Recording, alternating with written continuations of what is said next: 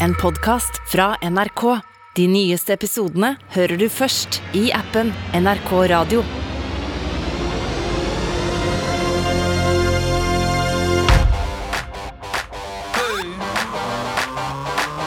Popkorn og politikk.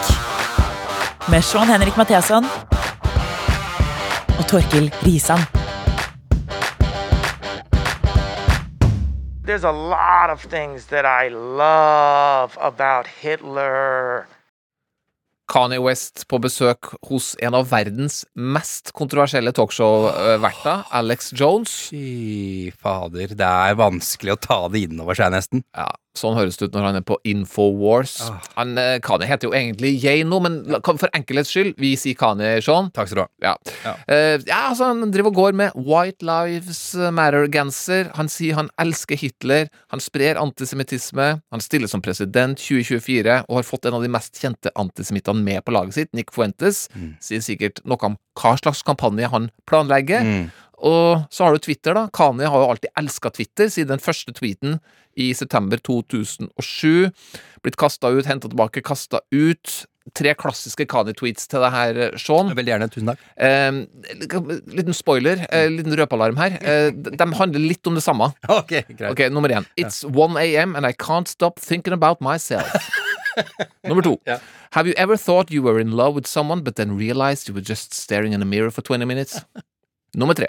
I need a room full of mirrors so I can be surrounded by winners. Ja, det høres ut som Kanye, dette her. Det, han har bruk for en plattform for å få, for, for, for skrevet det her. Nei, nå er han kasta ut av Twitter, tatt tilbake, kasta ut noe nylig på nytt da, for å ha eh, lagt ut et bilde av en eh, davidsstjerne med en svastika i midten. Ja, hakekors i midten der, ja. Og kasta ut av Elon Musk, som da nå eier eh, Twitter, som har invitert Donald Trump tilbake, som har invitert flere tidligere blokkerte brukere ut. Mm. Litt mer kontroversielle folk på plattformen nå.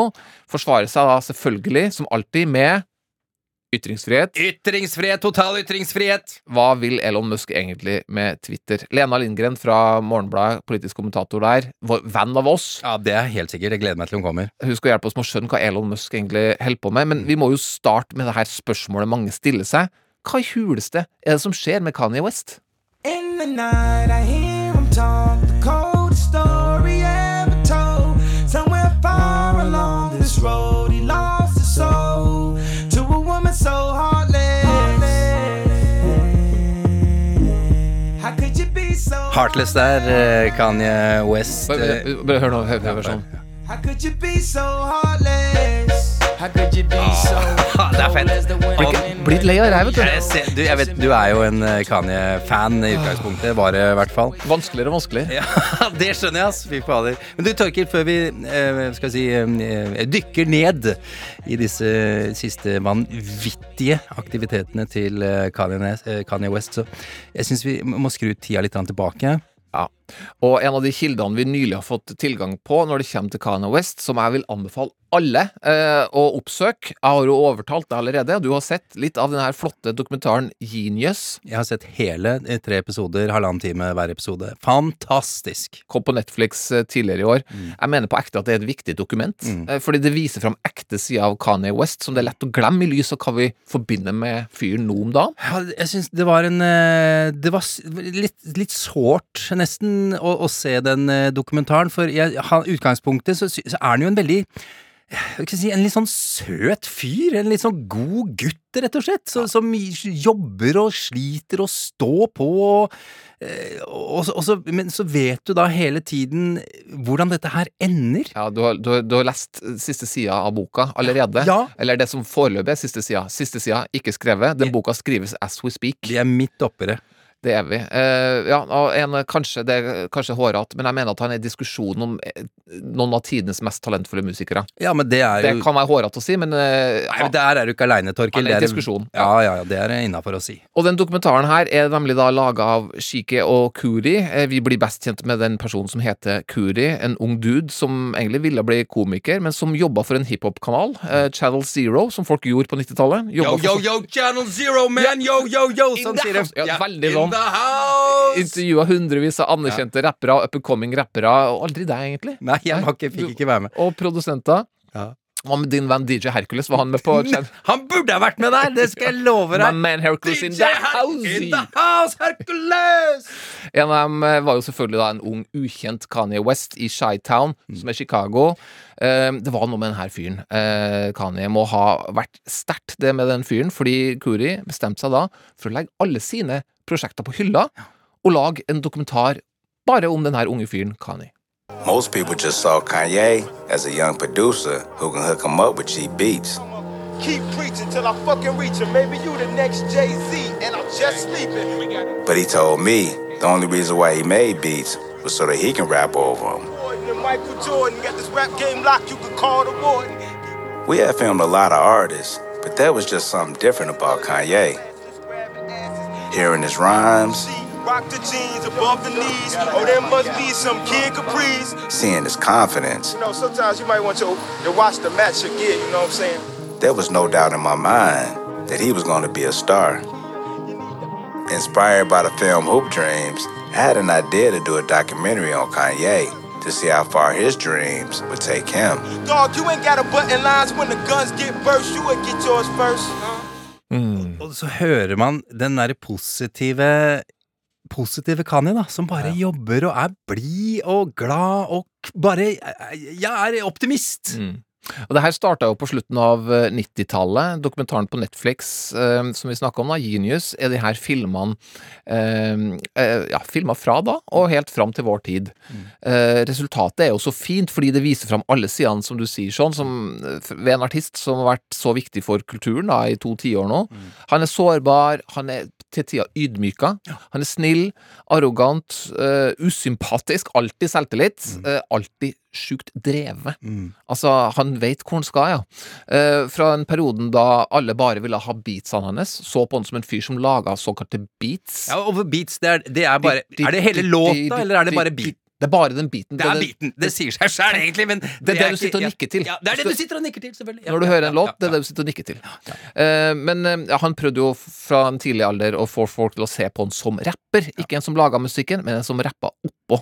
Og da eh, er vi jo med når han liksom eh, Han prøver å overbevise folk, da. Og han gjør det bokstavelig. Han tar med seg en tape, går inn på kontorene til legendariske Rockefeller Records og bare setter på sine ting foran en ja, intetanende sekretær, eh, som, som hører da, som noe senere er en klassiker, men hun bare sitter der, og så kommer det sånn inn på kontoret, så er det sånn pinlige greier, hvor liksom sånn ja, han bare tar, tar ut kassetten og går inn på et nytt kontor og setter på for en ny sekretær. Ja, for det er akkurat som De skjønner ikke hvorfor de sitter og hører på det i det hele tatt.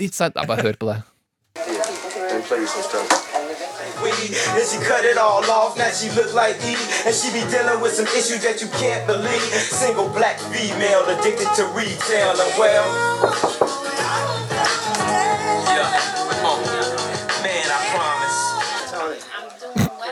Nei, slå av den, og så Nå må jeg gå videre. Det Gå til et nytt kontor. Ja, uff da. Men han, altså, han skaffer seg jo et navn, men det er fortsatt som produsent. Og det er jo ikke bare bare. Han lager jo beats for da JC. Eh, særlig hans store liksom comeback-album, nesten eller det som virkelig gjorde han svær JC, altså Blueprint, 2001 cirka, og Alicia Keys og Janet Jackson. Men han er rapper. Han, eh, han mener at han er rapper og nekter å slå seg til ro med noe annet. Han vil lage sitt debutalbum. Og, og kamera er jo med når han i, i tilfeldige møter og litt mer uformelle settinger prøver å imponere, og klarer å imponere store stjerner med hva han kan. Altså freestyle rapping, da. Eh, JC blir jo veldig imponert. Pharrell Williams. Eh, veldig imponert. Og det er jo vanskelig å ikke la seg imponere når han, når han drar i gang. Eh, bare hør det klippet her, hvor han sitter med en annen legendarisk rapper, Most Def. Og det er nesten sånn at du, du Her også, i det klippet vi skal høre nå, så får du høre han eh, rappe. Altså, uten, altså bare i kamera, ikke sant? Og du, du får høre noe tidlig Tenk, Bare hør etter midt inni klippet her, så hører du at han blir nesten helt sånn Han glemmer alt rundt seg. Og er det et tidlig tegn til en litt rabiat fyr? Jeg vet ikke, men det her er i hvert fall imponerende. Det er det. Yo, two words, shot town, south side, worldwide. Cause I rep that till I fucking die. One neck, two chains, one waist, two gas, one wall, 20 plaques. Dudes pay, give me that. I am limelight, blueprint, five mics. Go get his rhyme like should've been signed twice. Most imitated, Grammy nominated, hotel accommodated, cheerleader prom dated, barbershop player hated, mom and pop bootlegged it. Felt like it rained till the roof caved in. But two words, shot town, raised me crazy. So I live by two words, fuck you, pay me. screaming, uh, Jesus save me. You know how the game be. I can't let them change me. Cause on judgment day, you gon' blame me. Look, God, it's the same me. Basically, no, now we get racially profiled, cuffed up and hosed down, pimped up and hold down. Plus, I got a whole city to hold down. From the bottom, so the top's the only place to go now. Ja, Det er jo selvfølgelig sinnssykt eh, imponerende. Han bare gønner på freestyle, du bare finner på ting der og da. Men det er klart, eh, og du sa det jo litt nå før vi hørte der, Torkel, at det, det, gjennom denne dokumentaren så ser man de der små glimtene som man har lyst til å tenke ja, ok, her er det noe gærent, liksom. Ja, det er som at eh, når, noen ganger når han er i gang, og jeg tror han, altså det her, det var, alt her kom ut på sparket, men, men så Det er noen ganger at det er en slags bryter som går på, Mm. eller av, alt etter ettersom. Mhm. Og så er han bare et litt annet sted. Eh, men for å holde oss til denne dokumentaren av Genius, så får vi også møte det som virker som det viktigste mennesket i Kanye sitt liv, altså mora, Danda. Eh, hun inviterer jo da Kudi med kamera og, og eh, Kanye da, hjem eh, til hun i Chicago når de er der. Det er noen, det er noen scener mellom Kanye og mora som er så fin. Eh, her, når Danda forteller Kanye om viktigheten av å holde bakkekontakten Viktig prat å ha, syns jeg, med han. Hvor Kanye er redd for at hun synes han kommer ut som litt for arrogant, da. So you, you think do you think I come off too arrogant? No, come on, just write It's because it's what's inside. Because you can't be a star and not be a star. You got to have some oomph about you. You don't want to just go saying, "Oh, I'm just really not all that," but thank you anyway. Nothing like that. I'm not saying come off like that. I think the way you are handle yourself is really just perfect. But at the same time, if you remember, like to stay on the ground and you can be in the air all at the same time. That's what I think it means when it says a giant looks in the mirror and sees nothing. Everybody else sees the giant. You know what I mean? Right. Mm-hmm. I know.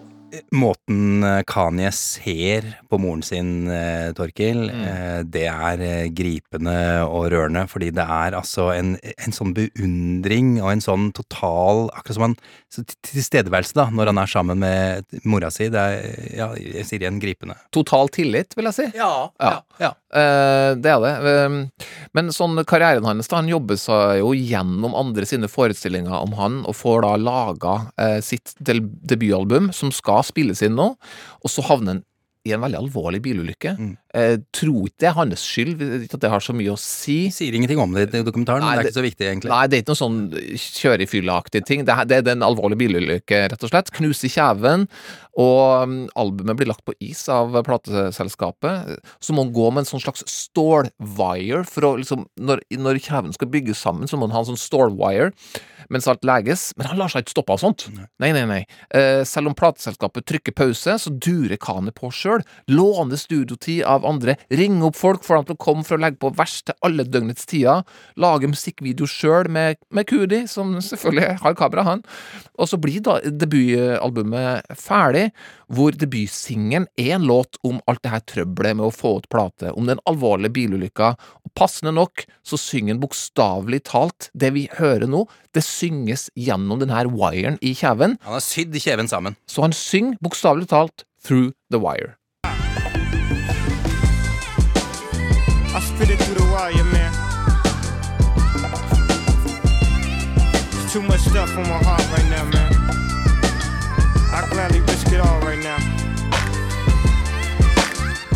Og det her, College Dropout, debutalbumet, ga de første to av 24 Grammya som han har fått til nå. Eh, 70 nominasjoner. Det er habilt å ha. Det er rimelig bra. Det var gøy, for, vi hørte jo tidligere nå for ikke så lenge siden et klipp der, da han var på kontoret der, Mm. av låter som er på College eh, Dropout. eh, Ja. Og, det, og det, de, de låtene surrer på en måte i bakgrunnen gjennom hele dokumentaren. Ja. Og det er artig å høre, for jeg, som du veit, Torkil, jeg er ikke noen sånn sterk hiphop-tilhenger, men jeg har jo Så måtte jeg høre da på Dropout, eh, College Dropout etterpå, sånn på jobben her, og jeg, jeg har jo hørt samtlige låter en milliard ganger, liksom. Ja, ikke sant. Eh, men ja, vant du da for eh, beste plate på Grammy-utdelinga, og takketalen Altså, han og takketaler, eller han og prisutdelinga generelt, det er, det er en litt sånn uheldig rød tråd gjennom eh, karrieren. Men takketalen, som vi skal høre bare bitte lite utdrag fra, det er veldig, veldig Kanye. Og setter kanskje en standard da, for å gjøre seg bemerka under prisutdelinga. I know I know every, I know everybody asked me the question. They wanted to know what kind. I know he's gonna growl out and he's gonna do something crazy. Everybody wanted to know what I would do if I didn't win. I guess we'll never know. Det er bra å melde den. Så nydelig å melde. Ja. Men igjen, da. Her igjen. Du ser akkurat som den bryteren du snakka om, uh, Torkil. Jeg vet ikke helt hvilket hakk den sto på akkurat der. Nei, bare takketalen her er jo, varer jo lenger enn det klippet her. Du, du ser det midt i. Midt i, så er det bare sånn Og så er han i sonen. Og da er han da er han en annen fyr. Ja. Eh, Men uh, musikalsk så er jo Kanye i stratosfæren nå. Uh, Karrieren er tatt av, og den, den, den lander aldri. Det går på skinner. Han blir en av verdens største artister, og har vært det siden. Men privatlivet er også relevant her. Og hva skal vi ha med av det for å, for å få oss fram, for å sette det som skjer nå i kontekst? 2005, Hurricane Katrina. Du husker? Ja. Grusomt. Folk mister hjemmene sine, og det er selvfølgelig veldedighet eh, på gang. Store kjendiser appellerer via TV-en til at folk skal gi, da. Eh, Mike Myers, som du er spesielt glad i, fra Austin Powers og Wayne's World og Saturday Night Live, Elsker Mike Myers. Han står der. Eh, Kanye står ved siden av ham og, og skal ha en sånn inderlig appell i eh, kamera. Mike Myers holder seg til manus. Kanye går vekk fra manus. And subtle, but in even many ways more profoundly devastating, is the lasting damage to the survivors' will to rebuild and remain in the area. The destruction of the spirit of the people of southern Louisiana and Mississippi may end up being the most tragic loss of all. George Bush doesn't care about black people. Den, og der er det artig å se hvordan Mike Myers reagerer. Han vet ikke, han har lyst til å forsvinne ned i et dypt hull i bakken der. Men eh, Så kan man diskutere om George Bush liker svarte eller ikke, men han melder det rett ut, i hvert fall. Ja, George Bush har omtalt det her sjøl i sine egne biografier, og det, han syns ikke det var så hyggelig å få Nei, den i fleisen. Eh, greit nok, det. Eh, men ja, også Det er en del av historien om Kanye, det der. Eh, noe stort og trist som skjer i 2007, er jo at Donda dør. Mora dør Ja. høsten 2007. Uventa, og som følge av hva? Eh, Hjerteinfarkt eh, Faktisk ikke. Var det ikke det det var? Altså, men, altså hjerteinfarkt, jo kanskje, Ja. men det, det er som følge av en operasjon. Ah, Skjønnhetsoperasjon. nei Fettsuging. Nei Brystreduksjon et, øh, skal det ha vært. Ah, det, det sa de ikke i dokumentaren, holdt jeg på å si. Da var det bare hjerte... Det er vel det som sikkert er dødsårsaken, men Ja. det, det, det oppsto som Ah, i, det. Eh, at-. Eh, og et tap som Altså, det her blir jo spekulasjoner som jeg, jeg i hvert fall tror og eh, har betydd enormt mye for Kanye på den negative måten, selvfølgelig. Ja. Jeg tror han mista jo grunnmuren i, i livet sitt der, eh, tror jeg. Den eh, forsvant under den. Ja, Det er lett å tenke at han havna sånn på avveie med mora i live, men det får være eh, våre spekulasjoner. Eh, men 2009 spoler fram dit. Eh, prisutdelinga, ny pris, prisutdeling. Han har allerede dukka på scenen og klaga på vinnere og tapere under eh, prisutdelinga før, men han huskes jo desidert best for den her, MTV Video Music Awards. Taylor Swift har vunnet prisen for beste musikkvideo. Kani dukker opp på scenen. Yo, Taylor, I'm really happy for you. I'm gonna let you finish. But Beyonce had one of the best videos of all time. One of the best videos of all time.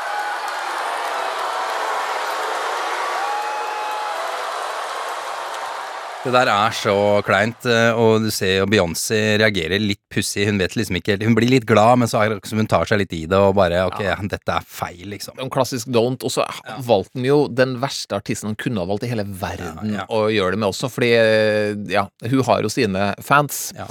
Og det er jo lett å tro, at hadde det vært en annen artist enn Taylor Swift, så hadde det kanskje ikke vært så eh, så stort virak som det ble, men det har ødelagt mye.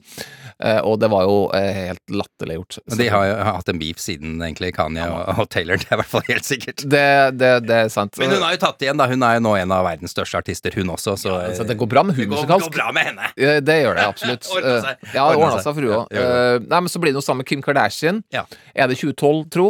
Eh, og i, i dokumentaren som vi har eh, referert litt til her, den som du bør sjekke ut, som heter Genius på Netflix, så er det et opphold på veldig mange år hvor Kudi ikke er på innsida. Mm. han, eh, den her fyren som, som filmer Kani, som liksom møtte den på 90-tallet, det er ganske fint og sårt, og han er veldig ærlig, den her Kudi, på at det er litt kjipt å stå på utsida. Det er noen vonde scener her, sånn. Ja, det er noen helt grusomme eller, Ja, grusomme, det er noen liksom pinlige og guffende scener hvor, hvor du ser at uh, Kudi jo tror at de og innbiller seg at de har, vært gode venner og er gode venner og er nære hverandre, og så bare plutselig så er det ikke sånn i det hele tatt. Du ser at uh, Kani på et vis fjerner seg fra ham. Ja, eh, det er nesten sånn du kan mistenke ham for at eh, Kuri er litt mer sånn symbolet på det han var da han var usikker, og at uh, han vil jo ikke vise fram den ekte seg, da i gåseøynene ekte seg, når han er den derre rollen som superstjerne. Mm. Det kan godt hende, som du sier, at Kudi minner ham på en tid han ikke vil ha noe mer med å gjøre. Ja, det kan godt være. Men så tar Kanye på et tidspunkt kontakt igjen, og det er her vi virkelig møter Kanye West, den ustabile versjonen. Eh, vi får se at han prøver seg som presidentkandidat i 2020. Han har noen rare, lange og ukomfortable tirader med plateprodusent Rick Rubin eller Justin Bieber. Vonde scener. Her er et klipp fra hvor Kanye blir veldig usammenhengende eh, i et møte med noen andre forretningsfolk. Hey, I take bipolar medication last night to have a normal conversation and turn alien to English. That's what we talking cannot communicate in a way that people understand in public because it's just truth, and we're in a world of lies. I had never captured this side of Kanye before, and it just didn't feel right to keep filming. So I cut the camera off. Jeg syns det er litt klønete at han eh, skrur av Litt vanskelig å høre her, men det er snakk om aliens som snakker gjennom hodet hans og Ja, han sier at han må, ta, han må ta medisin for å få oversatt inni hjernen sitt det som er eh, romvesenspråk til forståelig engelsk for oss andre, da. Nettopp. Og det her syns jeg jeg viser kanskje at du, eh, Kudi, ikke er en dokumentarist i, i, helt inne i beinet. Nei, da hadde du latt kameraet gå, ja. Da lar jo kameraet gå, liksom. Så det var Ja. litt synd, da. Men eh, det var sikkert utrolig ubehagelig. Og igjen, han er vel såpass eh, nære ham at han syns det var uba ja, ubehagelig. Ja, og så er det jo liksom bindingene til Kanye som er med i dokumentaren videre. Ja, så, så, så akkurat det er litt sånn, men du, vi, vi som ser på, vi, vi ser jo den her ustabile versjonen av eh, Kanye West, og det har jo vært mye snakka om at han har vært av medikasjon og sånn, fordi eh, han mener sjøl at det skader en kreativt. Men det, det å ikke være på medisinene sine, det skader jo også, eh, så ja. Eh, nei, og han snakker jo om å være suicidal på et tidspunkt, Kanye West. Han blir tvangsinnlagt. For ca. fem år siden så ble han tvangsinnlagt en liten periode. Han er jo bipolar. Eh, ja, og kontroversene blir jo mange. Han har jo kommet med støtteklæring til Bill Cosby. Mm, han som ga dopa damer og voldtok dem. Ja. Han sa at slaveri høres ut som et valg. Ja. Det var det ikke. bare sånn Det er ikke valget å bli slave, nei. Nei, han gikk med magacap, sa Make America eh, Great Again. Han møtte jo Trump i Det hvite hus. Uh, han er mot abort. Det ble slutt med Kim Kardashian. Han går i White Lives Matter-genser. Så er vi der vi er nå, da. Antisemittiske uttalelser kasta ut av Twitter for andre gang. Uh, og så ja, inn på Twitter, ut av Twitter igjen, og så da for en uke siden på talkshowet Infowars med Alex Jones. Og Alex Jones han kunne vi nesten hatt et eget program om. Han er veldig stor og snakker i capslock. Og også nylig blitt dømt knallhardt i det amerikanske rettsvesenet for å ha sådd tvil om skoleskytinga Sandy Hook. Mm. Eh, den skjedde, det visste han, men han påsto allikevel at det var skuespillere, at det ikke skjedde. 15 milliarder i bøter Mm. skal han betale. Mm. Eh, men han sitter fortsatt i talkshowet sitt og sprer konspirasjoner, og prøver å høres eh, fet ut. This is lit, lit, lit, lit, lit, lit. Number one show in the world right now. Everybody's tuned in everywhere. Yay! Å ja, han gikk for den, ja. Der har du Alex eh, Jones, og hva er da? Ja. Kani på besøk. Kani i maske. Ja, og det er interessant. Han har på seg maske. Hva betyr det? Han har gått mye med maske siste årene, da. Han har det, men Ja. det, er, det, er jo, det, er jo, det er jo artig å tolke det også. Han er der, men så er han der ikke der allikevel. Hva betyr det, liksom? Kanskje. Eh, han har jo brukt maske som moteplagg en stund, så, men det ser jo selvfølgelig dumt ut. Han har jo puste... Du hører at han sliter med å puste mange ganger når han opptrer eh, sånn rundt omkring med maske. Det ser litt ut som den maska som The Gimp går med i Pub Fiction. Ja, for, men det er jo en sånn derre Ja, det er, det er en sånn finlandshette som er sydd helt igjen, liksom. Ja. Mm.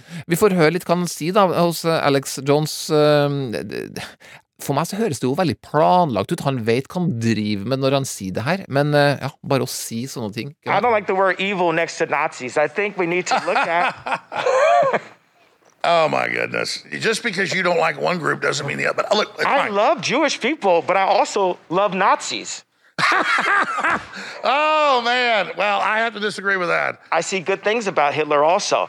This guy that invented highways, invented the very microphone that I use as a musician. You can't say out loud that this person ever did anything good, and I'm done with that.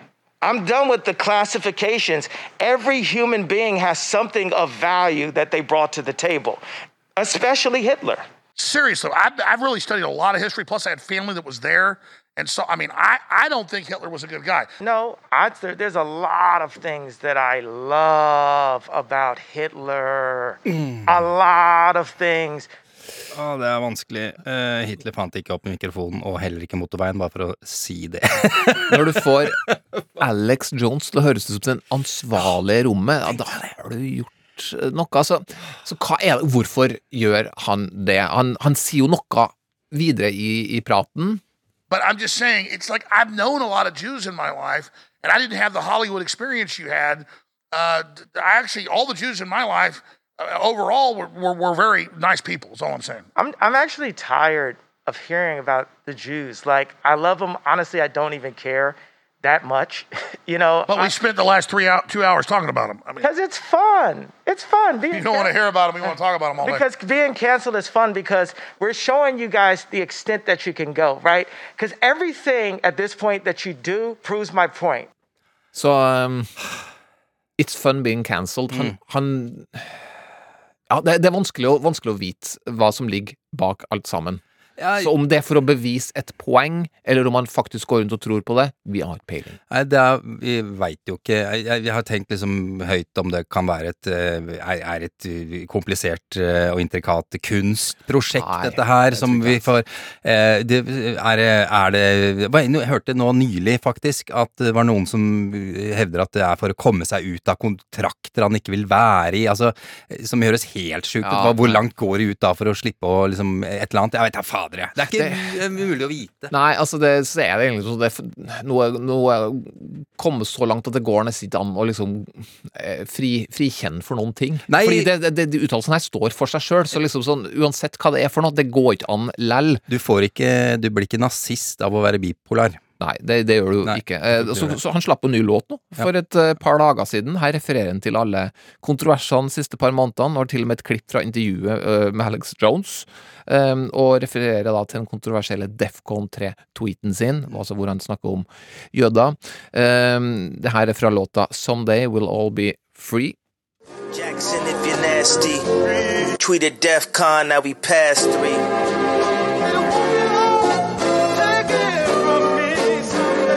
Tweeted DEF CON, now we passed three. Can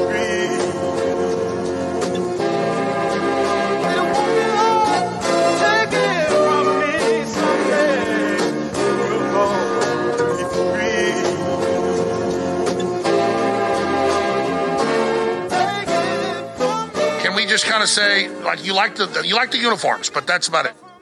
There's a lot of things that I love, that I love, that I love, that I love. Det var låta. Slutten på låta. Å, fy fader. Og Defcon 3, det er jo der hvor han sa at nå skal han gå Defcon 3 på jøder. Altså han skulle uh, bare ta den helt ut, da. På, på Ja, vis. altså Defcon er jo en slags sånn eh, beskrivelse på spenningsnivået eller farenivået i amerikansk eh, militær, Mm. ikke det? Jo, jo, jeg tror Ja, det er det. så det, ja. Nå er det på Defcon 3, som er da alvorlig, eh, alvorlig fare, da, er vel det han eh, mener. Og så, ja, eh, han, han går jo rundt nå hos de mest kontroversielle talkshow-vertene og eh, snakker, og på besøk for et par dager siden til Gavin McInnes, lederen av Proud Boys. Ikke en bra gjeng, eh, Sean. Nei, det er en kjip gjeng. Her er, også det, her er det også den ekstremt kontroversielle McInnes som høres minst ille ut, og det, bare det er ille. Blacks are overrepresented in violent crime. But when you meet an individual black person, you don't apply that. You start with a fresh slate every time you meet someone. Do you do that with Jews? Nope.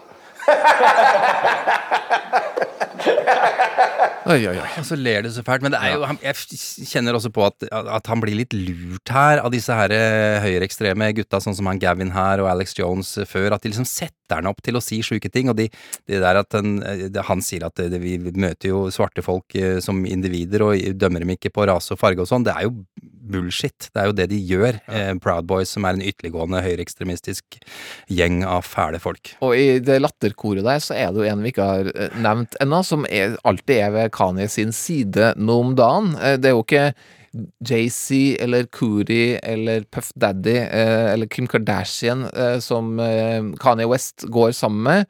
Nick Fuentes heter denne personen som er til stede på alle de her greiene. Og ja, hva slags fyr er Nick Fuentes, Sean? Har, er du klar for en uh, reise inn i mørket? Som om vi ikke har vært det fra før. vi var i mørket, vi har vært i mørket. Okay, ja. Det er helt riktig, men nå skal vi også eh, Vi skal enda lenger inn. Nick Fuentes han har blitt beskrevet av mange, også New York Times, eh, som en av eh, USAs mest prominente høyreekstreme. eh, Prominent, ja. eh, ja.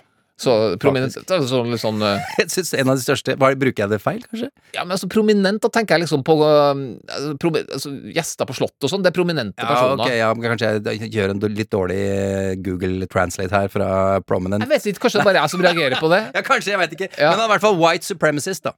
Ja. Eh, som er hvit makt, eh, hvit overlegenhet. Eh, det, der står han eh, knallhardt, 24 år gammel. Eh, husker du eh, det som skjedde i, i Charlottesville for noen år siden? Ja. Ja, ikke sant? Det var en by i, i Virginia, USA. Eh, de bestemte seg for å fjerne all mulig sørstatssymbolikk fra offentlig rom. Statue av Robert E. Lee, blant annet, general under, under krigen. Borgerkrigen i USA. Rasister, høyreekstreme samla seg, ble møtt av eh, motdemonstranter. En av disse rasistene dundra bilen sin inn i en eh, folkemengde. E- En person døde, 19 ble, ble skadd. Dette deltok selvsagt eh, Nick Fuentes i. Her var han med. Han var en av de som gikk i, i fakkel. Altså, det ser så jævlig ut også. De går med fakler. Det ser ut som det er noe fra middelalderen, liksom. Eh, og mens de da ropte dette her Jews will not replace us!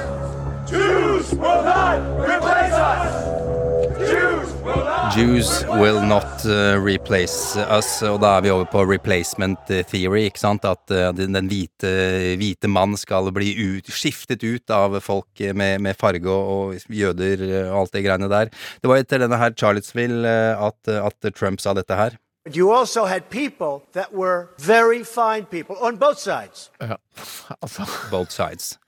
Very fine people on both sides. Og, og, og dette er viktig at vi ikke glemmer dette her, fordi eh, Charlottesville har jo blitt stående som et eh, ja, symbol på hvor galt av sted eh, det, det bærer med, med USA.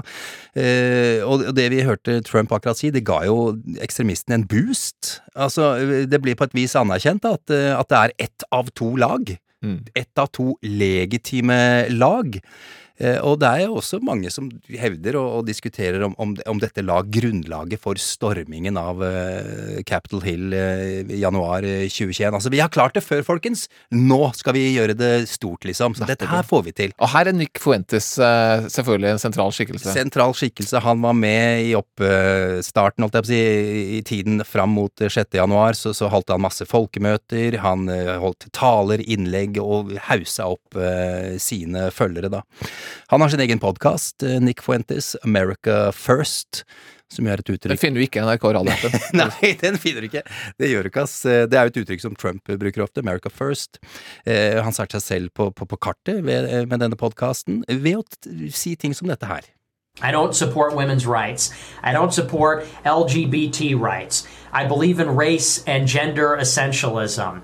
I'm Catholic. I'm a Catholic reactionary. I believe that organized Jewry is extremely influential in the United States and pushes America towards an open society, liberalism, internationalism for their own benefit. Ja, da hørte du det. er så stygt. Jury. Jøderi. Ja, altså ikke, ja, ikke jewelry, men jewelry. Jeg tror jeg har hørt det ordet før. Nei, det er, han fant jo på det der og da. Um, han mener da i tillegg til dette at, at svarte per definisjon er voldelige fordi de er svarte. Uh, han, altså alt det der andre der tror ikke på klimaendringer. Altså, alt som Ja, fordi er hvis du gærent. abonnerer på én Ja. ting, så abonnerer du på hele pakka. Ja, det er akkurat det du gjør. Ja, du kjører en, liksom en uh, høyreekstrem totalpakke eh, som eh, mm, Skjønner. Du har det. Eh, løsningen på alt som er eh, vondt og vanskelig, hva tror du det er, eh, Torkil? Løsningen på det Altså, ifølge Nick Fuentes Ifølge Nick Fuentes. Ja, Nei, altså Kom til makta, da. Han, han og hans uh, likesinnede, sikkert. Ja, ikke langt unna. Hør, ja. på det. And you want to know the secret? Our secret sauce here, it's these young white men. Ja, ja, ja. Unge, hvite menn. Det er løsninga. Ja, det er løsninga. Men her er det viktig å skyte inn at han er eh, incel.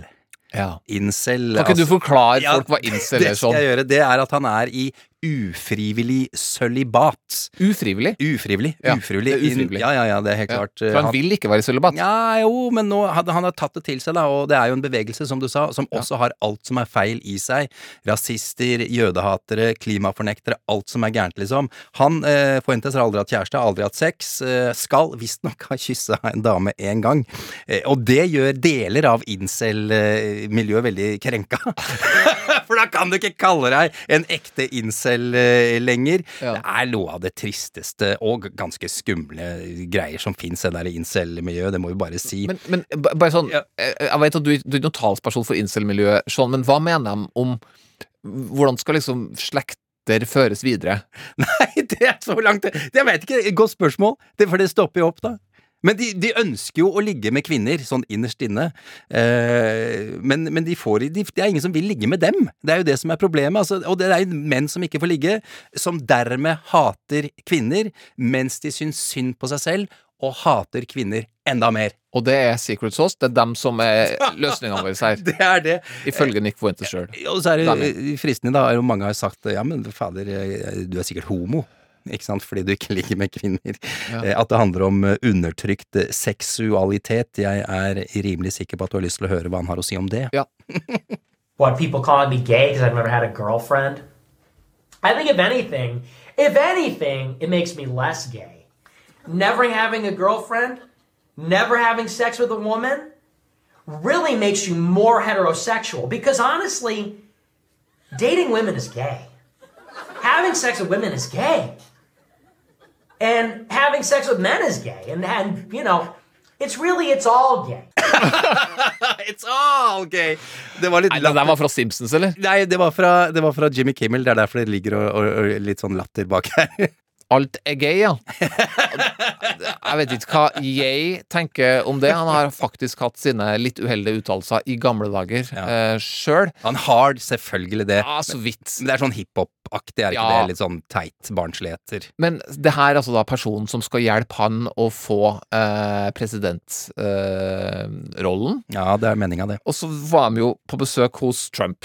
Ja, de var det En annen en som også håper å bli president, ikke sant? Så det her er jo noen karer som sitter og spiser middag hos Trump. Hva, hvorfor det, eller hva, hva skulle den der? Liksom? Nei, det var, det var Trump hadde jo Det var rett før var det thanksgiving for en to-tre uker siden, så, så, så dro jo Kanye på besøk til Trump på Mar-a-Lago i, i Florida.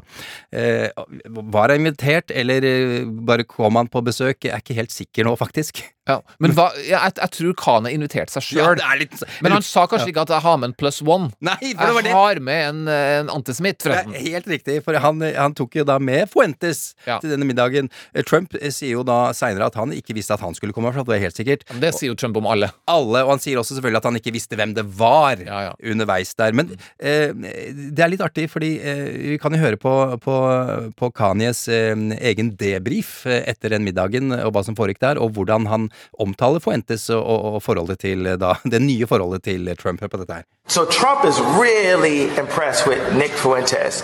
And Nick Fuentes, unlike so many of the lawyers and so many people that he was left with on his 2020 campaign, he's actually a loyalist. Loyalist til Maga Trump, han, eh, står, står ved hans side uansett. Ja, det ble vel ikke noe sånn live-tweeting fra denne middagen her, fordi det her er jo tre stykker som stadig blir Alle har blitt kasta ut av Twitter. Ja, det har, det har de til felles. Og blitt tatt inn igjen og kasta ut, og nå er det Elon Musk, da, Ja, eh, er- som eh, eier, eier sosiale medier. Ja.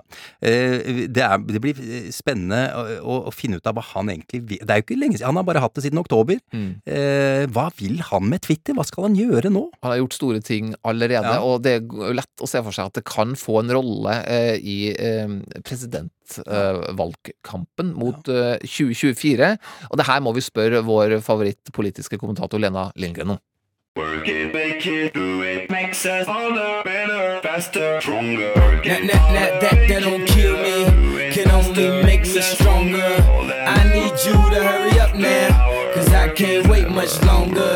I know I got to be right now, cause I can't get much stronger. Man, I've been waiting all night now, that's how long I've been on ya. Lena Lindgren, velkommen tilbake til Popkorn og politikk. Tusen takk. Eh, Politisk kommentator i Morgenbladet, forfatter av den Brageprisvinnende boka Ekko. Vært her et par ganger før nå. Veldig glad for at du tar turen igjen. Vi snakka om ko-ko-konspirasjoner for et eh, par uker sia. Du har også fortalt oss om Peter Thiel, en fyr vi omtalte eh, som en mulig superskurk i, i virkeligheten. Disse episodene finner du i appen nrk.no, du som hører på. I dag ja, det skal handle om en mulig fremtidig superskurk i dag også, og hans eh, nyeste satsing, eh, Elon Musk og, og Twitter.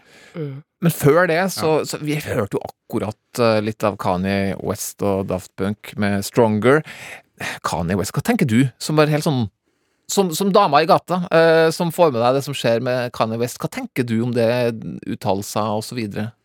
Ja, Hva skal man tenke? Altså, det, det at øh, den mest profilerte nynazisten uh, i USA nå er en afroamerikaner, det sier ganske mye om tidene vi lever i, tenker jeg. Tror du, men Framstår han som en sånn eh, fyr som bare er ute på et slags rart kunstprosjekt? Er det ekte politisk agenda, eller er det bare for å få overskrifter? Har du tenkt noe i den retninga der? Jeg syns det er mulig å si, og jeg lurer på om han kommer til å være øh, ute, altså, eller om han på en måte blir lagt inn Mm. øh, ganske snart. Men um, Han har vært Altså- tvangsinnlagt en gang. Ja, han har det.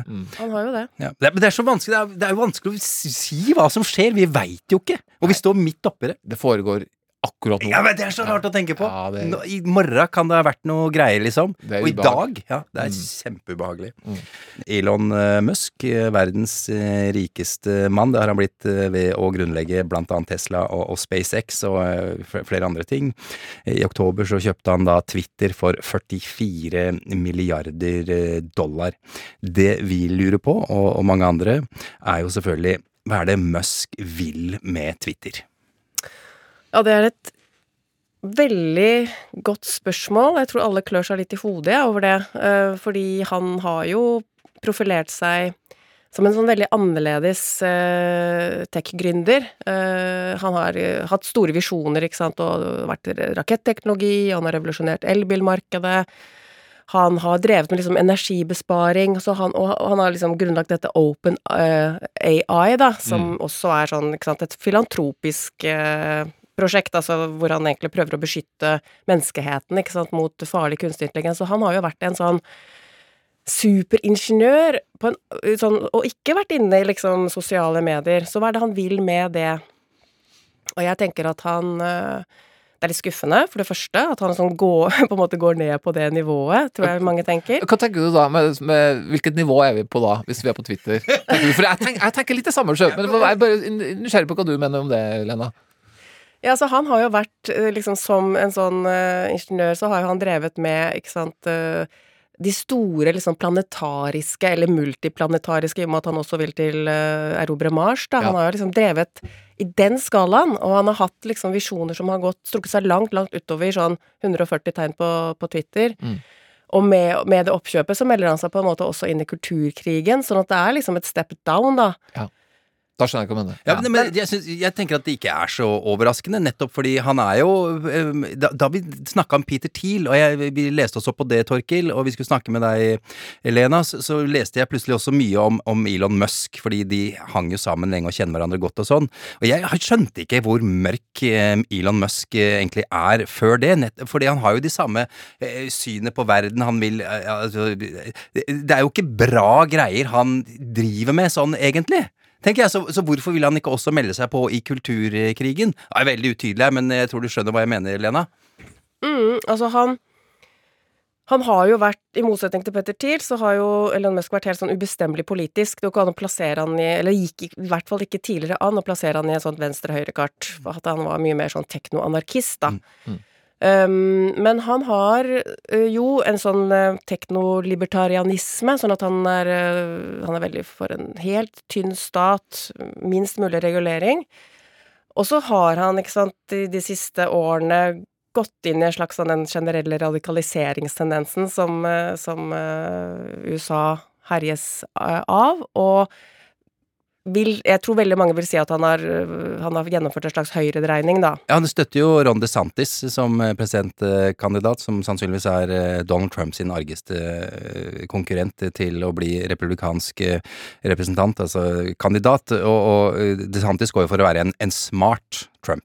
Ikke sant? Men handler det Unnskyld, Lena, men handler det med støtte av sånne litt sånn ikke helt ytre ytre høyre, men, men på, veldig langt på høyresida, sånn som Ron DeSantis, handler det kun om den der tynne staten, eller er det mer av sånn ideologiske eh, menneskesyn og sånn også, når Elon Musk allierer seg med sånne, tror du?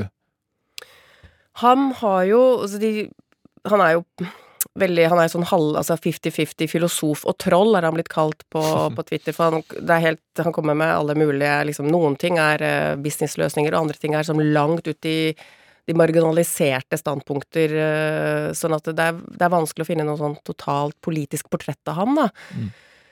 Men, eh, men han, er, han har hatt mange utfall mot liksom hysteriske wokeister, som han sier, og han er, han er blitt en sånn absolutt ytringsfrihetstilhenger. Sånn at øh, Jeg, jeg syns egentlig at altså en hendelse beskrev øh, Trumps sammens... Nei, beklager, Musks øh, sammensatthet ganske godt for meg, og det var hans øh, opptreden under Ukraina-krigen nå nylig for en måned siden. For da var det først Altså, først så har han jo da Han har gitt Ukraina gratis internett gjennom hele krigen, ikke sant? Når nettet brøyt sammen, så gikk han inn med Starlink og satte opp, uh, satt opp sitt nettverk, og han har gitt det, uh, det Han har tapt mye penger på det, 500 millioner dollar eller noe sånt, nå tror jeg han har eh, finansiert uh, Zelenskyjs motstandsbevegelse med, da. Ja, Starlink er dette satellittsystemet, og så har han gitt masse terminaler sånn at de får internett, både sivile og militære. Ikke sant? Og det fikk han jo Det var liksom filantropen Musk. Da fikk han uh, mye åtgang og ros for det. Men så blir han bedt om å, å gå inn og gripe inn i forhold til russisk desinformasjon, eh, for at det skadet jo motstandskampen i Ukraina. Og da sa han et absolutt nei til det. Nei, jeg er absolutt tilhenger av eh, ytringsfrihet, sa han. Og så like etterpå så lanserte han en sånn virkelig sånn fikst og freidig en sånn fredsløsning for Ukraina, hvor det, hvor det handlet om at nei, vi gir uh, Krim til mm. Russland, og, vi, og Donbas uh, kan stemme selv hvilket land de vil tilhøre. Og det var jo Zelenskyj fikk liksom helt hakeslepp. Og dette, disse tre sidene, da, eh, ytringsfrihetstilhengeren og liksom den, den gode filantropen og eh, og på en måte denne verdensministeren. Disse, der ser man liksom Musk, eh, Musks på en måte eh, sammensatte og veldig, veldig Altså hans selvoppfatning om at han kan egentlig gjøre hva han vil. Eh, og det kan han vel kanskje. Ja, men så, og det viser, forteller også hva slags makt han har. Han kan jo være med på å forme en krig som foregår i Europa. Du sier at eh, Musk har muskler, altså? Ja, Politiske, politiske muskler. Torker!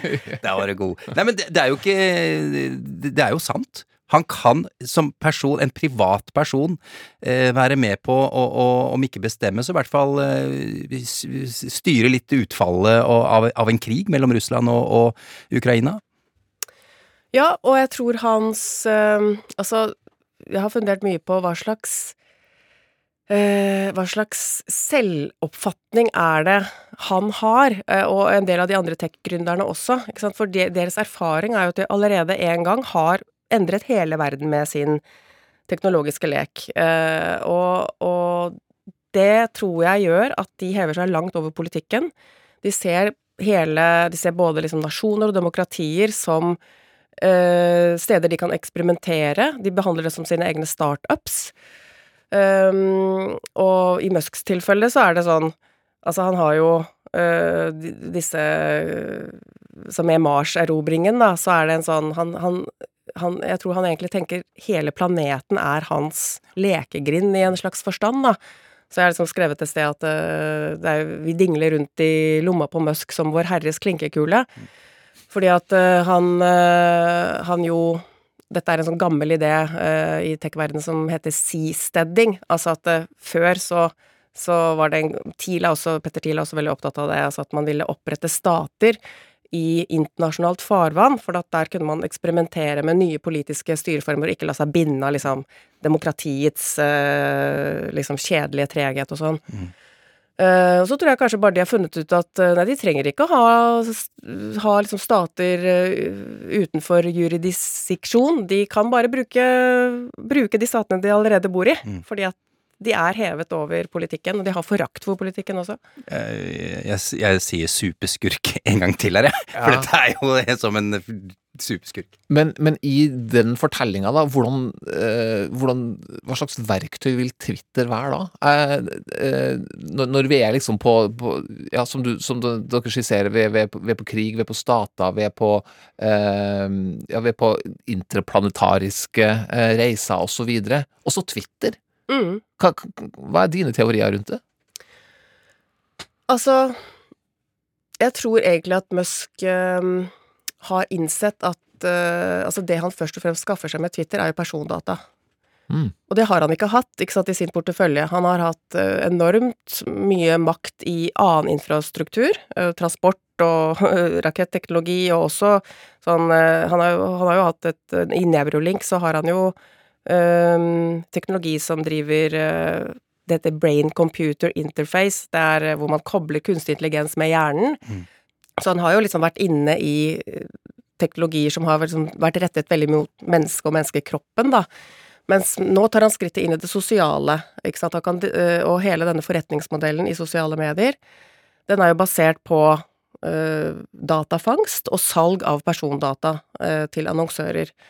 Uh, sånn at det er um, Det er enormt mye overvåkningsmakt som ligger egentlig i uh, dette feltet. Og hvis man tenker at han kombinerer alle disse liksom den Altså alle de ulike typene teknologiske makt han har, da, så sitter han jo med et virkelig sånn omfattende uh, ja, uh, maktsystem, da. B- Hva kan han bruke det til, da? Altså, Hva fører disse personopplysningene til som gjør at han kommer et skritt videre? Er en slags plan han har. Hva er den planen? Altså, han har jo sagt at han vil gjøre om Twitter til en uh, sånn everyday app, uh, etter modell av den kinesiske WeChat. Og uh, WeChat i Kina, den brukes til eh, ikke bare å kommunisere, men eh, også til, å, til all mulig kjøp og salg. Og dette har jo Musk erfaring med fra PayPal, ikke sant? Eh, så kineserne eh, bruker det til å bestille alt fra restaurant til forsikring til legeopplysninger, sånn at du får det man, man får totale personprofiler, da. Eh, og allerede nå så, så vet man jo, ikke sant, i Vesten også, så er tekstselskapene sitter med full oversikt over, ikke sant, dine politiske preferanser, din økonomiske status, din seksuelle legning, din eh, sykdomshistorie, eh, altså alt du interesserer deg for, hvem du snakker med, hvem du kjenner. Sånn at denne, det er jo denne typen makt Musk nå kan tilegne seg, og persondata er liksom, det er valutaen i den informasjonsalderen. Mm. Sånn at nå, nå tar han liksom et stort skritt videre, da. Det, jeg jeg syns det også det er litt interessant å se mm, hva han har gjort sånn spesifikt på Twitter, og, og eh, ja, avblokkert, da. Eh, folk som har vært blokkert, har han jo gjort. Eh, så det litt mer fritt fram for eh, kontroversielle folk på Twitter. Nå, øh, oppha, først, nå det første han gjorde, var jo å oppheve blokaden av Kanye West. Eh, før han da måtte blokkere den igjen, fordi det gikk ikke. Det ble litt mye uh, svastika i eh, David Kors. Til og med for Musks uh, smak. Men hva tenker du rundt det? Litt, litt politiske dreininger med, med å tillate flere Ja, selvfølgelig under ytringsfrihetens fane, da.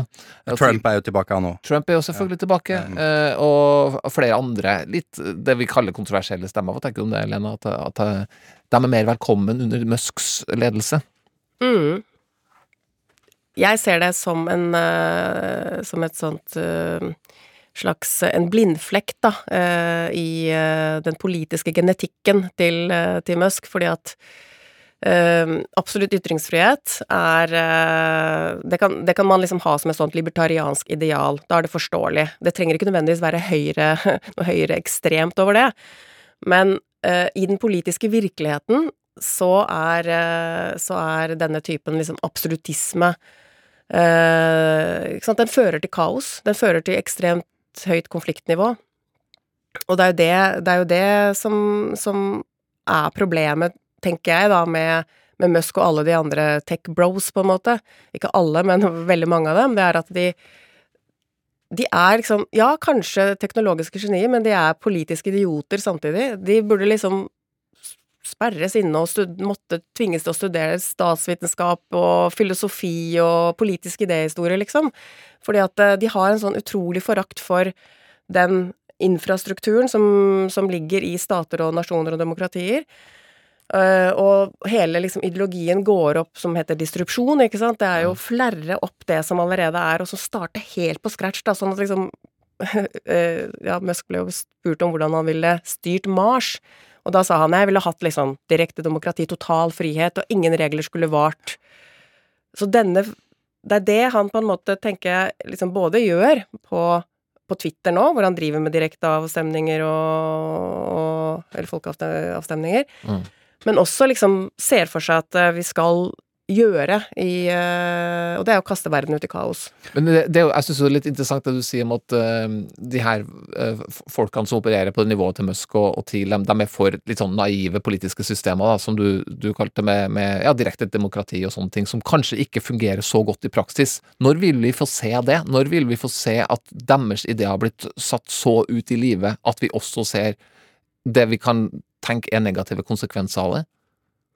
Jeg syns vi allerede ser det. Vi ser det nå, ja. Ja, jeg tenker at den Altså, det som virvles opp nå, da, av, av eh, Ja, hate speech og, og konspirasjonsteorier og liksom ideen om at dine politiske motstandere er fiender, liksom. De er farlige. Mm.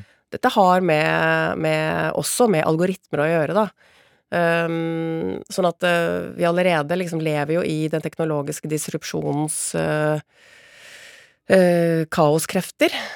Og, og det, jeg, jeg, det virker ikke som de selv ser det, at her er det en sammenheng. Altså for teknologien, det er en slags sånn idé fra deres side om at teknologi, teknologisk utvikling vil alltid føre til det beste uansett. Så at det er liksom politikken som er fienden. De ser på en måte ikke at det ene har ført til det andre også. Så er det jo det med absolutt ytringsfrihet. Det er jo eh, komisk eh, at han da ved flere tilfeller har eh, Ja, sier at her skal alle få slippe til, men det er nok komikere, to, tre, fire, fem komikere som har gjort narr av han på Twitter. De har han blokkert med en gang. Det er jo helt latterlig. Ja, det, det er litt latterlig. Det er latterlig! Men Ja. så, så har du jo ledelsesstilen hans, for han har jo sparka mye folk. Etter, hvor mye var det han hadde sparka? To tredeler, eller sant? Jeg mener det er to tredeler, det har sikkert du greie på også. Ja, staben i Det gikk fra 7500 til 2900 i løpet av én måned eller noe sånt. Og leste jeg da. Eh, Og de som er igjen, de må jobbe opp mot 80 timer. Ja, ja og så må de skrive under på noen helt hårreisende kontrakter. Nå bare for et par dager siden så kom nyheten om at han har eh, installert soverom eh, på, på tomme kontorer, som da står igjen for de har slutta, de som jobba der før. Som jo, han sier bare at nei, det er bare for at de skal få hvile litt, men det er jo sannsynligvis for å holde dem på jobb, da, at de skal jobbe 24 timer i døgnet, og ta seg en nap Men i ny og ne. Hva betyr det hvis du, hvis du sparker ja, to tredjedeler av eh, alle? Det, hva, hva, hva, skjer, hva, gjør jobben da? Er det roboter, liksom? Eller hva, hva som skjer? Nei, altså Det er en som heter Magnus Hoem Iversen, er norsk eh, ekspert på politisk reklame, som har skrevet en bok som heter Sosiale medier. Og han sier at Eller han skrev nå nylig at uh, han mener at Twitter kommer til å dø. Mm. Fordi det har ikke Det har ikke personalkrefter, og stemningen er så paranoid og elendig i korridorene. Og annonsørene, ikke sant, trekker seg. Eh, og dette er jo en forretningsmodell som er liksom 100% basert på, eller finansiert av reklame, og basert på overvåkning. Sånn at uh, hvis man ikke får den forretningsmodellen til å gå, gå rundt, så vil det vil jo liksom Twitter bli en slags sånn eh, hul trestamme som til slutt sprekker, eh, som han skrev. Men, eh, så det kan jo, det er jo ett scenario, da. Eh, det må jo være noen der som gjør jobben. Ja, men Det er også et viktig poeng da, som vi ikke har nevnt før du sa det nå, Lena. At det, også de som ikke sponser, da, men, men reklameinntekter, de blir jo borte mer og mer og mer for hver dag som går, egentlig. Og hva hva er grunnen til det, egentlig? Nei, det, det, er, eh, det er jo hans Dette er jo merkevare... Alt er merkevarebygging, ikke sant? Eh, Og hele, hele forretningsmodellen er altså basert på eh, at man har liksom Twitter er et kult sted å være. Sånn at for annonsørene nå Jeg tror at den, det er en sånn uhyggelig eh, scenario som utspiller seg. Man føler litt at det er en et slags En sånn Einstein-type som har gått blitt eh, Som har mistet grepet, egentlig, og liksom eh, har eh, Altså, klarer ikke å slutte å sparke folk, klarer ikke å slutte å skjelle ut folk. Eh, så at eh, Og da er jo det Da vil ikke de være der. Det er dårlig, veldig dårlig Det er ikke kult lenger. Ja. Nei. Men altså, Det er litt fascinerende med at alle de menneskene som er oppe i det, det spillet som vi diskuterer nå, de, de har jo sin egen eh, so, litt sosiale medier-plattform. Det var jo altså Nå har jo da Musk har jo Twitter. Petter Thiel var jo veldig inn, inn, inn, Husker jeg du sa så, Lena? Han var interessert i sånne apper for Høyre, litt mer sånn konservative. Ja, men Var det ikke Tinder for konservative og sånne type ting? Ja. Og så har du jo Trump med sin hva heter det, Truth eh, Social. Truth Social, ikke sant? Og Kanye West skulle jo kjøpe Parler, som også var en slags eh, Twitter for høyreekstreme. Ja. Det ble ikke noe av. Men altså, ja, som du sier, altså, her, her Du skal ha deg et sosialt medium. Skal du være eh, player, liksom, på den store eh, banen. Virker det som. Hva, hva, slags, eh, hva slags betydning kan det få for Hvis vi tenker på presidentløp og sånn nå altså, ja, Kani har jo sagt selvfølgelig at han stiller jo til 2024. Mm. Trump er jo også interessert i det. Mm. Vil Musk og Twitter få en, en rolle å spille der, tror du? Det kan det absolutt få. Ja, det tror jeg.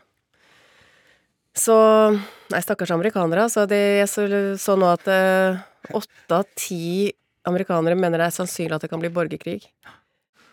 Ja, så det er ikke lett.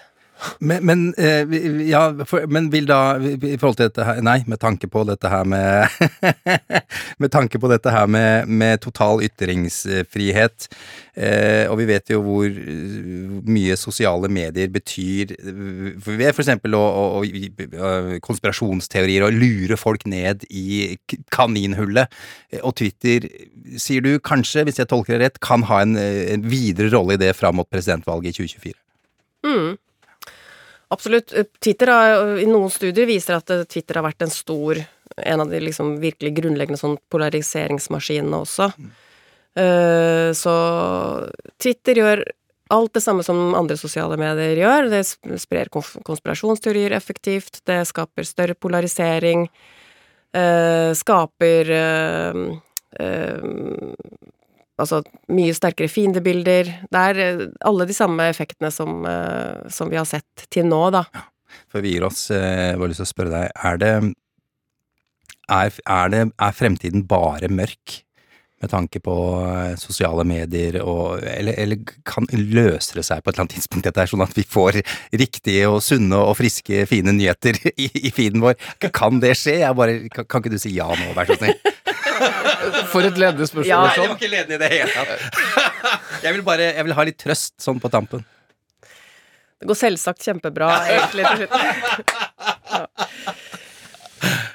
Nei, men seriøst, hva, hva, hvordan, hvordan ser du på, på fremtiden der?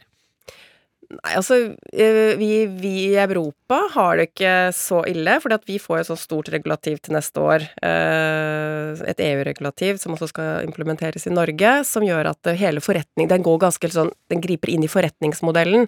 Og det er der man må starte, ikke sant, at det er en forretningsmodell der det på en måte lønner seg å være i konflikt. Det lønner seg å spre konspirasjonsteorier. Lønner seg med skittstormer, for da bare stormer alle til, skaper masse engasjement, masse penger. Så, så i Europa så vil vi eksempel nå kunne krysse av på sånn om øh, Vil vi ha en øh, ha mikromålrettet reklame? Vil vi på en måte i det hele tatt øh, Sånn at vi har liksom kommer til å ha grep, da, i mye større grad Men ikke sant, det kommer ikke til å komme i USA. Så jeg ser litt mørkt på akkurat USAs fremtid, altså. Ok, greit. Blanda, blanda svar der, egentlig, men Det verste du kunne håpe på det der, altså. Nei, ikke det verste i det hele tatt. Lena, tusen takk.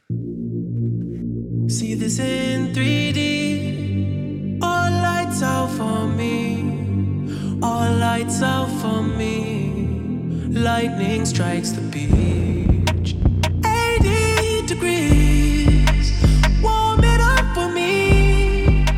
Finally free.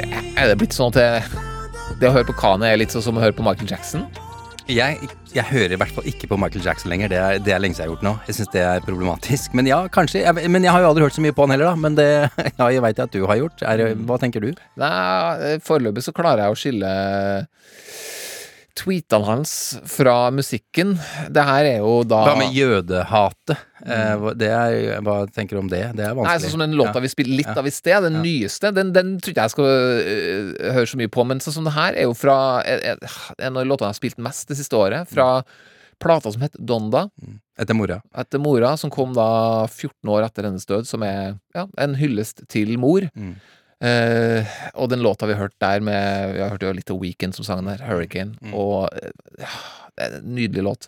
Klarer å høre på det fortsatt. Ja, okay, eh, en, en det er, stund men, til. ja, men det er bra. Men så, så, så peker det jo tilbake til noe positivt. Altså moren eh, til Kanye, Mm. og, og den viktige rollen hun hadde i livet hans. Helt opplagt, som er helt tydelig med tanke på denne dokumentaren som vi har snakka om eh, i dag. Genius, ja, på, eh, på Netflix. Og så er det et eller annet med der forsvant en grunnmur, eh, Mm. tror jeg. Eh, og så ble han jo sammen med Ka Kim Kardashian.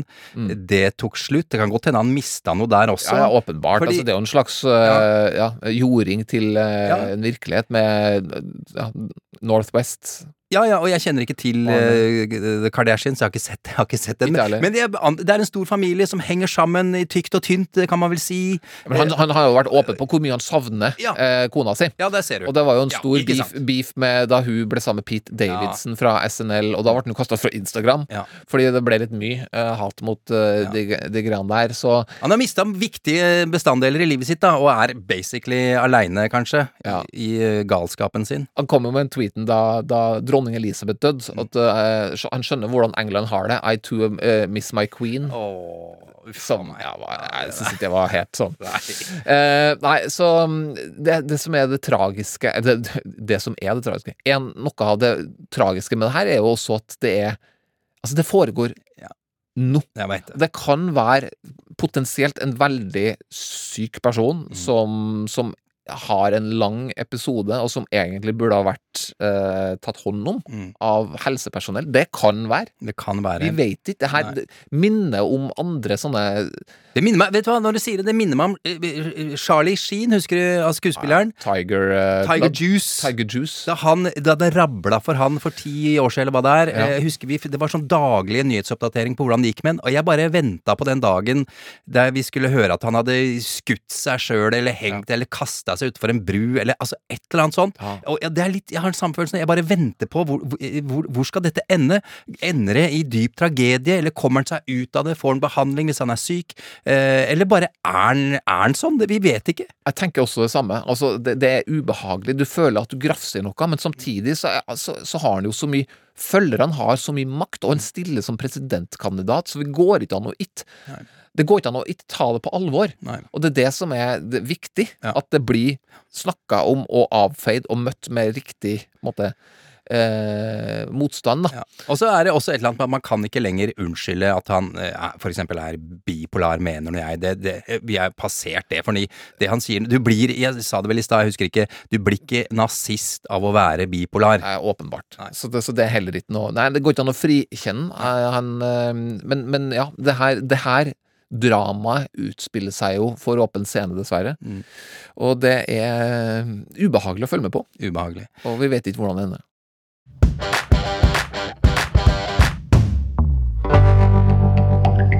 I den tida syns jeg sånn sett alt var fantastisk. Hei, jeg heter Kaja Frøysa. En dansk guru har i flere tiår fått med seg eventyrlystne norske ungdommer til å jobbe gratis for sin idealistiske og omreisende folkehøyskole. Vi måtte huske på at vi kom fra borgerlige hjem. og var borgerlig oppdratt, og alt det måtte bort. Vi skulle bli noen nye slags mennesker. For å tjene penger samler de inn brukte klær i UFF klescontainere, som de selger videre. Og moro at de tenker på dem som trenger eh, klær. Men så kommer anklager om at pengene blir brukt på luksus for lederne. Veldig fine biler, dyre møbler, det var fine ting. Og nå skal vi ha designerting, og nå skal vi ha Lederen for den omstridte Twin-bevegelsen blir jaktet på av Interpol over hele verden. Han har i mange år vært ettersøkt for skattesvik og svindel av opptil 75 millioner danske kroner. Sekten som ville redde verden hører du i appen NRK Radio.